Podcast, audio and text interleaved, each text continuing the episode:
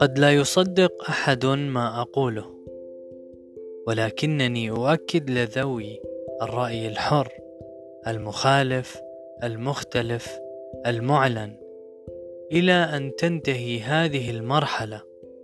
لا يوجد دعم.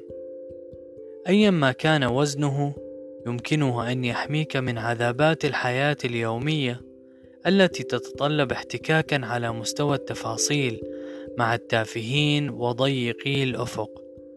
كل اتصال اجتماعي كل اجتماع عمل كل معاملة رسمية كل مشوار للسوق بل وكل توقف قصير في إشارة المرور. سوف يحمل معه تحديا حقيقيا. لذلك أنتم فدائيون.